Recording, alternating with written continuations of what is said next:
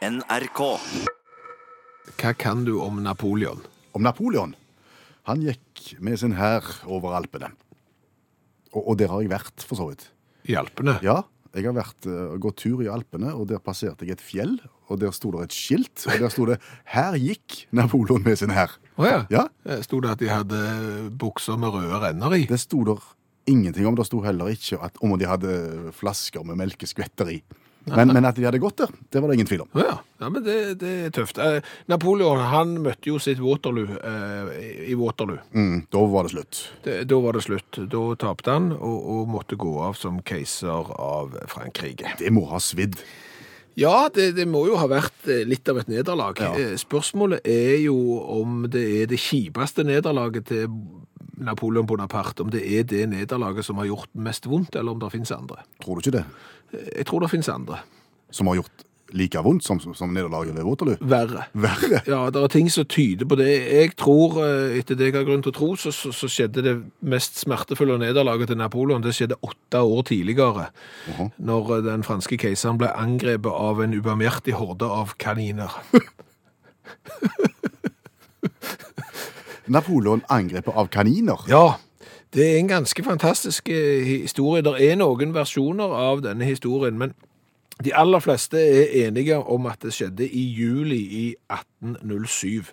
Etter at Napoleon hadde undertegnet en sånn traktat, han hadde vært i, i krig med, med keiserlige Russland, og så skrev de under en sånn traktat. Jeg vet ikke hvordan traktater ser ut, jeg, men det, Et ark. et ark, sikkert. Og, og da ønska jo eh, keiseren å feire, og foreslo kaninjakt. Å ja. Ja. Som, en, som en aktivitet for å feire? Ja, Ja. Jeg, jeg vet ikke hvor. Altså, det var gjerne sånn. Altså, når du hadde barnebursdager, så inviterte du til kaninjakt. Altså, hva vet jeg, dette er 1807. Jeg kan det ikke så godt. Så han spør jo da stabssjefen sin, han Bertier, om å, å kanskje du arrangere da en eh, kaninjakt. Greit det, sier Bertier, og går på med krum nakke og, og sånn. Arrangerer da utendørs lunsj. Inviterer noen av militærets fremste, og samler da òg en koloni av kaniner Ja. det, det som historien er litt uvage på her fra de forskjellige kildene, det er hvor mange kaniner. Men vi snakker iallfall hundrevis. Noen hevder at det var så mange som eh, 3000 Ja. kaniner. Det var iallfall eh, mange. Og, og han eh, Bertier, han stabssjefen, han hadde da fanga disse kaninene eh, og holdt de innegjerda langs kanten på ei stor sånn graslette. Og så skulle de begynne å jakte. Napoleon var jo selvfølgelig sjef, Ja. eh, og han leda jaktlaget, som bestod av sånne jagere og pistolbærere og alt. Kaninene ble løslatt fra sine bur, og jakten var i gang. Ja.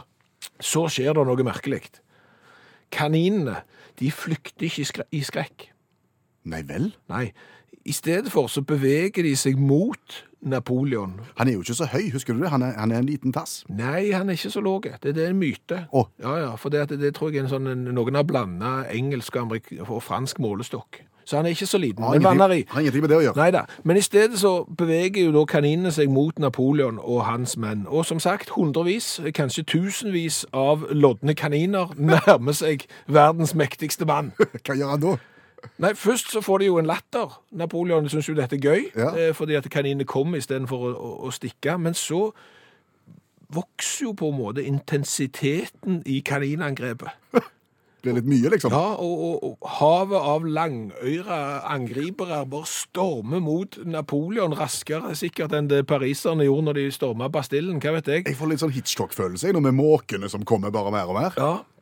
Og, og de svermer rundt eh, Napoleon sine bein og begynner å klatre opp på jakken, og Napoleon prøver liksom å husj, husj, vekk, og slå kaninene med ridepisken sin, og, og jaktfølge de der som jagte, vet du, sto der med stokker og pinner og prøvde å jage vekk eh, kaninene, men kaninene fortsatte med, med stormingen. Det endte med at Napoleon måtte trekke seg tilbake.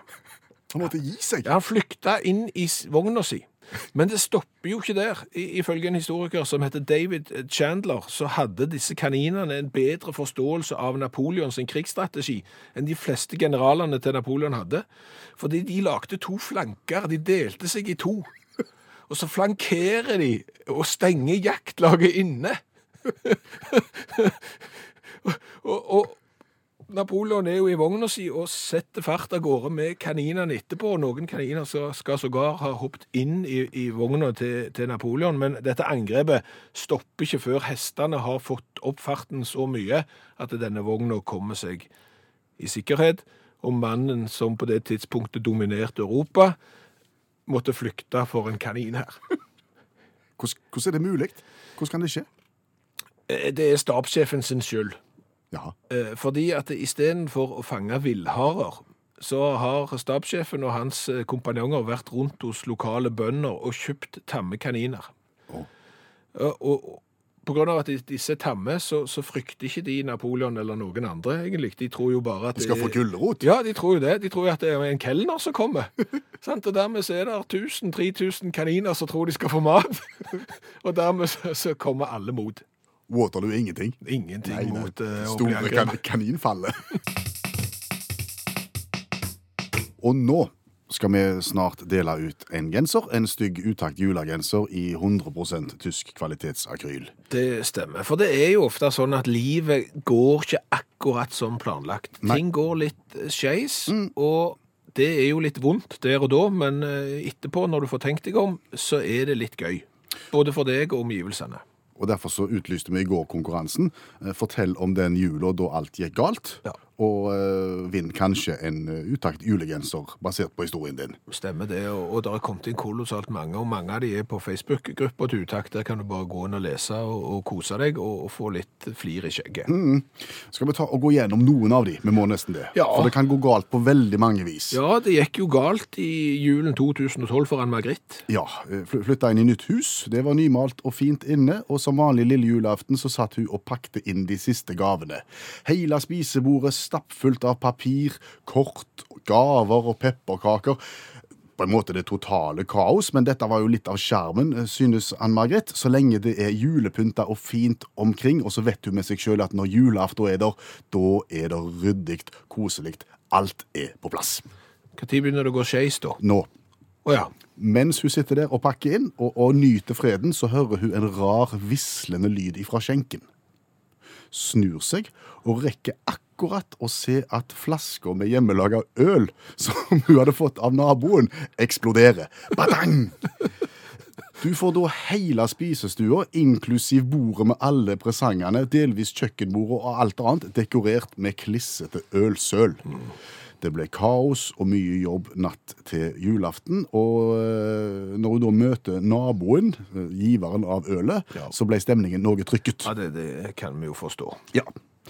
Så Ann-Margret, Ja, det hører jo med til historien at det feirer juletre til Ann-Margrethe. Det deisa òg i gulvet når sønnen tradisjon tro skulle sette stjerner på. Så det ble jo en, eh, fiffig julaften og, eh, og, og jul, det der. Alvhild, der har det òg gått skeis. hva gikk galt der? Nei, altså hun og mannen eh, hadde invitert til tidenes juleselskap på en sånn husmannsplass som de leide langt inn i skogen. Oh, ja. Det vil si at gjestene fikk seg en drøy times kjøretur for å komme inn dertil. Hva skulle hun servere da? Skulle servere elgkjøtt, elgkraft og, og grønnsaker, og det hele der skulle kokes sammen til ei suppe. Ja. Ja, og den kokte Alvhild på en tiliterskasserolle kvelden før, smakte på han, og han var nydelig med syv y-er, som Alvhild skriver her. OK, men så skulle han bare lagres da til neste dag? Ja, og så er det jo sånn, husmannsplass inne i skogen, mye mus. Oi. Dermed så tørde ikke Alvhild å avkjøle denne suppa uten lokk. Sikkert lurt. Sikkert ikke lurt. Oi. Nei, for mens de drev da og, og pynta og ordna til den store gullmedaljen dagen etterpå, og ca. en time før gjestene skulle komme, så var det jo ut for å hente suppa. Ja. Og da er det noe som ikke stemmer. Hva da for noe? Suppa koker. Kokesuppa? Ja, og det er jo litt rart, siden han ikke står oppå noe som er varmt. Eh, Så viser det seg jo da at han har begynt å gjøre så mye at det bobler igjen. Ai, ai, ai. Ja. Prosess, rett og slett. Ja, og hva gjør du da? Da kan du sikkert prøve å gi suppa et oppkok og late som om ingenting har skjedd. Det tørte ikke Alvhild, så hun tok til vettet og ringte rundt gjestene og sa, vet du hva, det blir ikke julemat. Vi har noen pakker med wienerpølser og lomper liggende og litt julematrester. Og så fikk hun noen av gjestene til å kjøre innom en bensinstasjon og kjøpe noe loff. Så, så det ble trivelig. Eh, Men det er klart, det kunne jo godt være. Enda verre enn det. Ja, men altså, tenk hvis du hadde eksempel avkjølt suppa uten lokk, og så hadde det gått mus oppi, og det fant du ikke ut før det var for seint, hvis du skjønner. Det har jeg ikke lyst til å tenke på. det har ikke jeg heller. Eh, Solbjørg eh, forteller om eh, julen 2005. Da var ble det fyr i teltet, for å si det mildt. Ja, bokstavelig talt. Solbjørg hadde gått til innkjøp av en hel nissefamilie. Åtte porselensdukker med setesdalskofter, vannmelsbukser, vadmelsbukser, kjoler, smykker, mamelukker og sko og full mundur. Mm. 3000 kroner for herligheten. Ja. Og i denne seksjonen ble det da lagt snø i form av bomull. Nissene ble dandert rundt et stabbur med diverse reinsdyr, stæsj og kubbelys. Ja, og, og kubbelyset er vel eh, stikkordet er på en måte det, for når kubbelyset skulle tennes, så var det eh, manko på lighter, fordi at eh, Solbjørg hadde slutta å røyke. Derfor så måtte en bruke fyrstikk. Fyrstikken brakk idet han tente, og datt ned i bomullen. I løpet av sekunder sto hele nissefamilien i full fyr. Røykvarsler hylte. Eh, Hun fikk vite noen badehåndklær og lagt over flammene. Heve stabbur og nisser i hytt og vær. Åpna dørene for å få gjennomtrekk. Eh, Guttene i eh, oppstillingen med ull og vadmel overlevde. Det samme gjorde stabburet, men damene med nylonsmammelukker leide en begredelig skjebne. Oh ja, okay. Og verst gikk det utover babyen som satt på ei svære eske med fyrstikker. Babyen satt på ei bombe, kan du si. Ja ja, du ser. Det er ikke alt som går som det skal. Nei, Solberg har nå begynt å bruke batteridrevne stearinlys i forbindelse med dekorasjonene sine. Finn Kalvik og Kajsa Stina Åkerstrøm si trøstevisa, og det passer godt, for nå er vi kommet inn på eh, topp tre på lista vår over julehistorier fra utaktlyttere. Julehistorier som forteller om da de er galt i jula. Ja, og vi starter med tredjeplassen, som Elin har sendt inn, og som forteller om når naboens schæfer angrep julenissen. Elin forteller vi satt glade og fornøyde på julaften sammen med storfamilien vår da datter spurte «Eh, når kommer egentlig julenissen. Ja, er det ikke da plutselig en må ut? Jo. Jo. Eksmannen eh, skulle da selvfølgelig bare ta seg en tur ut for å sjekke noe i garasjen. Etter ei stund så fikk en se en noe underlig julenisse vandre rundt i hagen vår. Hvorfor var den underlig? En, nissen var, ifølge Elin, en slags klo, kloning av Derek og en los. I, I knallrød vinterredningsjakke, der han vandrer stillferdig rundt. Men så plutselig så hører de det hun kaller et helsikesbråk. Bjeffing, roping, brøling og vræl. Naboens schæfer hopper over gjerdet og springer i vill fart etter den rare julenissen. Alle i familien knekker sammen i et gedigent latterkick. Etter en stund så roer situasjonen seg, og nissen, eller rettere sagt det som var igjen av nissen, kommer tuslende inn, og da blir det jul i stua. Det er herlig. Det er Ja. herlig. Eh, Gerd Irén har en historie som jeg kjenner meg igjen i, på andreplass her. For ett år så hadde far til Gerd Irén og samboeren de hadde fått en god idé. De skulle dele opp pinnekjøttet som skulle dampes eh, til julemiddagen. Og mora til Gerd Irén hadde jo vasket ned og pynta og ordna på kjøkken, og alt var liksom ferdig til jul. Og så kommer disse to, omtalt som Pompel og Pilt av Gerd. Eh, og de skulle jo da dele eh, pinnesidene i pinnebiter. OK. Vi gjør det enkelt, tenkte de, og som tenkt så gjort, så henta de da stikksag, rotterumpe, elektrisk sådan, og starta med friskt mot. Det ble fett og kjøttslintrer overalt, bordlamp og gardiner. Hele kjøkkenet var ikke lenger fint. Det ble ikke spesielt godt mottatt. Det var ikke gøy da, men familien ler i dag. Og det minner meg om når jeg sjøl sagte opp laks, frossen sådan, med sirkelsag. Ja, litt av samme effekten. Det var laks overalt. Du kan ikke gjøre alle til laks. Nei, og det lukter ikke godt når det tiner. Andreplass. Ja. Vi har kommet fast fram til førsteplassen. De- Dette skjedde long time ago, og det handler om mannen i huset som hadde bakt til jul. Hvem sin mann da? Uh, ja, Det kan vi kanskje ikke si, for uh, når vi snakker om å bake til jul, Ja. så uh, sies det i hermetegn. Oh, ja. Så jeg tror egentlig det handler om ulovlig framstilling av blankt brennevin. Å ja. Derfor så tenkte vi at Ingeborg, som har sendt inn, skulle få være anonym. Ja, det tror jeg er lurt, Ja. siden det er snakk om hjemmebrenning, ja. Ja. Så Ingeborg forteller historien om da, da mannen skulle lage brennevin. Eh, blanding av rosiner, tørka frukter, gjær, sukker og vann hadde godtgjort seg over tid. Hadde blitt fint og blankt etter brenning. Så er det noen prosesser som skal gå i gang her. Mm, det kan vi ingenting om. Nei, blandingen skulle gjennom kullfilteret som naboen hadde montert hjemme hos seg. Oh, ja. Fra toppen av loftstrappa og ned til gangen gikk et langt røyr fullt med kull. Hva røyr er det, pappa? Hysj! Et kullrøyr. En beholder med plass til ti liter var festa øverst. og ei plastbøtte i bånn under enden av røret. Og Så skal det legges til at nabokona som bor i huset her, Ja. hadde vaska og ordna riktig fint til jul. Ja, for det er vel viktig å si at naboen som eide dette røret, trappa og hadde vaska til jul, var ikke hjemme. Ikke akkurat da, nei. Nei. For lille julaften så tok eh, mannen til Ingeborg med seg julebaksten i hermetegn for å sile gjennom kullrøret hjemme hos naboen. Hele beholdningen ble tømt i beholderen på toppen, og mannen kom glad og fornøyd igjen. Da han skulle bort og hente det ferdige produktet, oppdaga han at røret hadde sklidd ut av festet, og hele baksten hadde bare si hjemmebrenten. ja, brennevin, brennevinet hadde rent utover naboens nyvaska gulv. Ti liter. Ti liter det fløyt av blankt brennevin på det nyvaska gulvet. Så nå ble det dobbeltvaska i sprit. Nabokona ikke blid i det hele tatt, for hun var som sagt ikke hjemme da det skjedde, men hun merka jo det når hun kom hjem. Ja. Eh, Det hører også med til historien at husbonden prøvde å tørke opp med en klut og vri ut dråpene. Det er vel moralen her, da, at eh, hvis du driver med ting som ikke er lov, så får du gjerne svi i andre enden. Kan være. Eller midt på når røret går.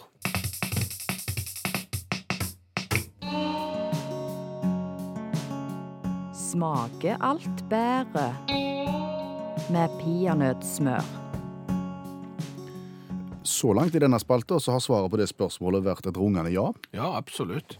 Og spørsmålet i dag er jo, står jo like sterkt, for vi går jo inn i ei tid med masse tørre julekaker. Hvordan å gi de et løft. Ja, og, og det jeg har på tallerkenen foran meg her nå, det er en kakemann, en sånn hvit kakemann, eh, som er kjempetørre. Altså når jeg spiser den nå, oh, så, ja, så smuler den, og du, du hører at den er tørre. det knaser. Det andre er en berlinerkrans. Ja.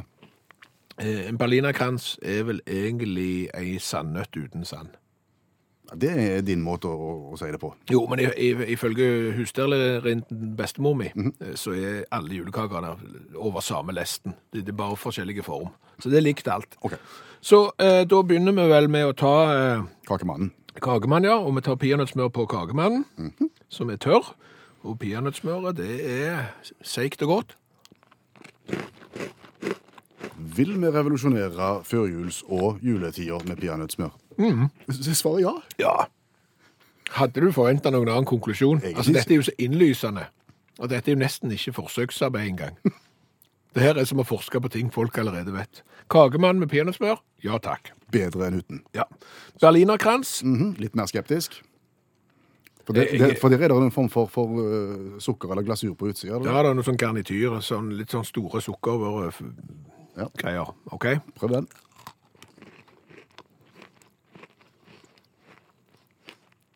Det var mye bedre. Selvfølgelig. Jo, men altså, det, det passet bedre enn kakemann. Å ja. konsistensen på berlinerkransen og de store sukkerbitene som på en måte kommer i eh, de, Altså, de konkurrerer med tyggemotstand mot peanøttbiten i peanøttsmøret. Ja. Helt formidabelt. De går opp i en ny enhet. Se det. Svaret er ja. Berlinerkrans med peanøttsmør, kjempegodt. Kakemann med peanøttsmør, godt det òg.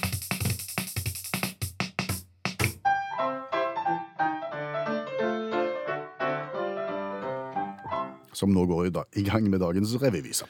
Der du kommenterer en eh, nyhetssak fra et sted i verden ved hjelp av en sang på 27 sekunder. Hvor skal vi hen? Austin, Texas. Oh, ja. Og familien Hurlin, som gjerne ville vinne juledekorasjonskonkurransen i nabolaget.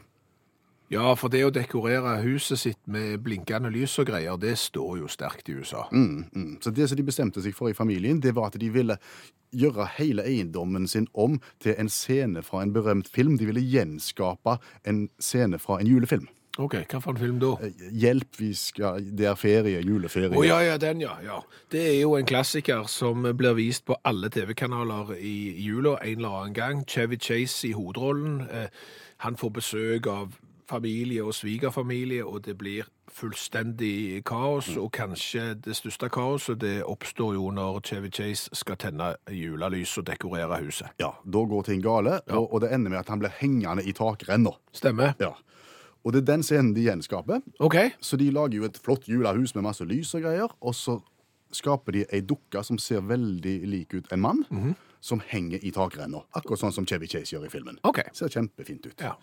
Alt vel så langt. Helt til en gammel krigsveteran i nabolaget er ute og går tur. Promenerer forbi huset og ser mannen som henger i takrenna.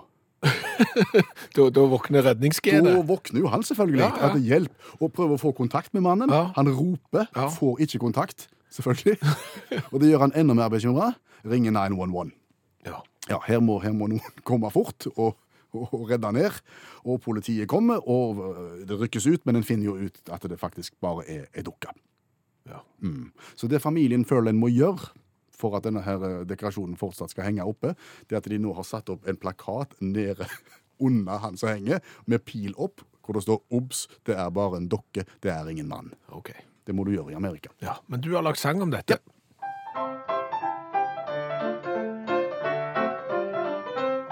nå går vi for gull, folket skjønner det er tull, og så henger vi opp årets dekorasjon. Men når man henger ned ifra takrenna et sted, ja, så ender det med politiaksjon. For en veteran var ute og spaserte, og skjønte ikke spøken som han nå passerte. Så han ropte og bar, men hva fikk han til svar? Jo, bare hjelp, nå er det juleferie. Arkeologinytt.